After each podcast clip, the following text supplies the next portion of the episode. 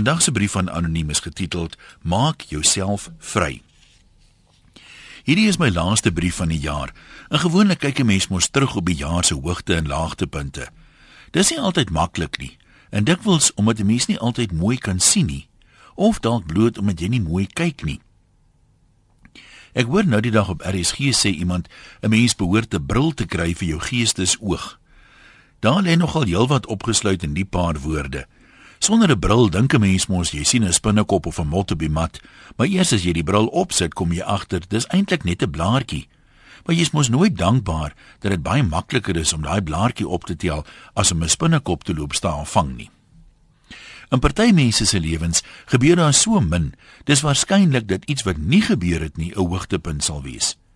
'n Mens sou verwag dat mense wat sonder hulle brille die nag van die lang messe sien aankom het, dis nou die nag na Madiba se dood, verlig sou wees toe die taksies toe nie op die stede toegesak en die wit mense voor die voet vermoor het, soos wat uh, die lang messers voorspel het nie. Maar oupa sê daar's mense wat nooit dankbaar is nie. Die wat in 1994 soos honde kos begrawe het, was nie dankbaar dat hulle dit nie nodig gekry het nie. Oupa sê dis omdat mense so graag reg wil wees dat hulle dit haat om verkeerd te wees, selfs al kan dit hulle dood beteken as hulle reg is. Nou wag en vroeg hulle maar. Een dag is een dag. Ek verstaan dit nie, maar seker omdat oupa baie slimmer is as ek.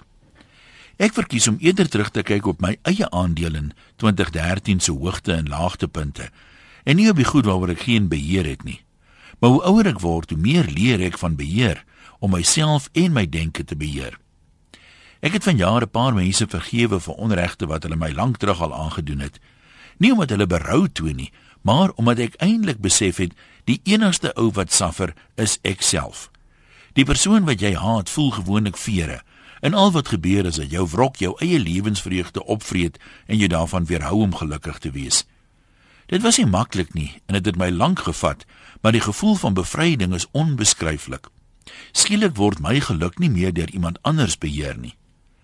Die kans is goed dat jy iewers in 2013 'n onreg aangedoen is en dikwels deur iemand na aan jou, selfs jou ouers of jou kinders. Jy het dalk alle rede om ontstel te wees, maar as jy jouself as 'n slagoffer gaan sien, totdat daai persoon eendag besluit om jammer te sê en vergifnis te vra, gaan jy 'n slagoffer bly.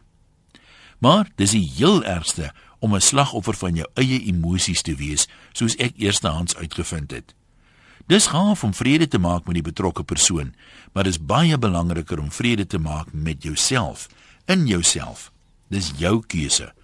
Onthou, as jy jouself laat lei en dis nou met 'n lang y of 'n ei, deur wat ander mense dink of doen, dan gaan jy altyd hulle slaaf bly.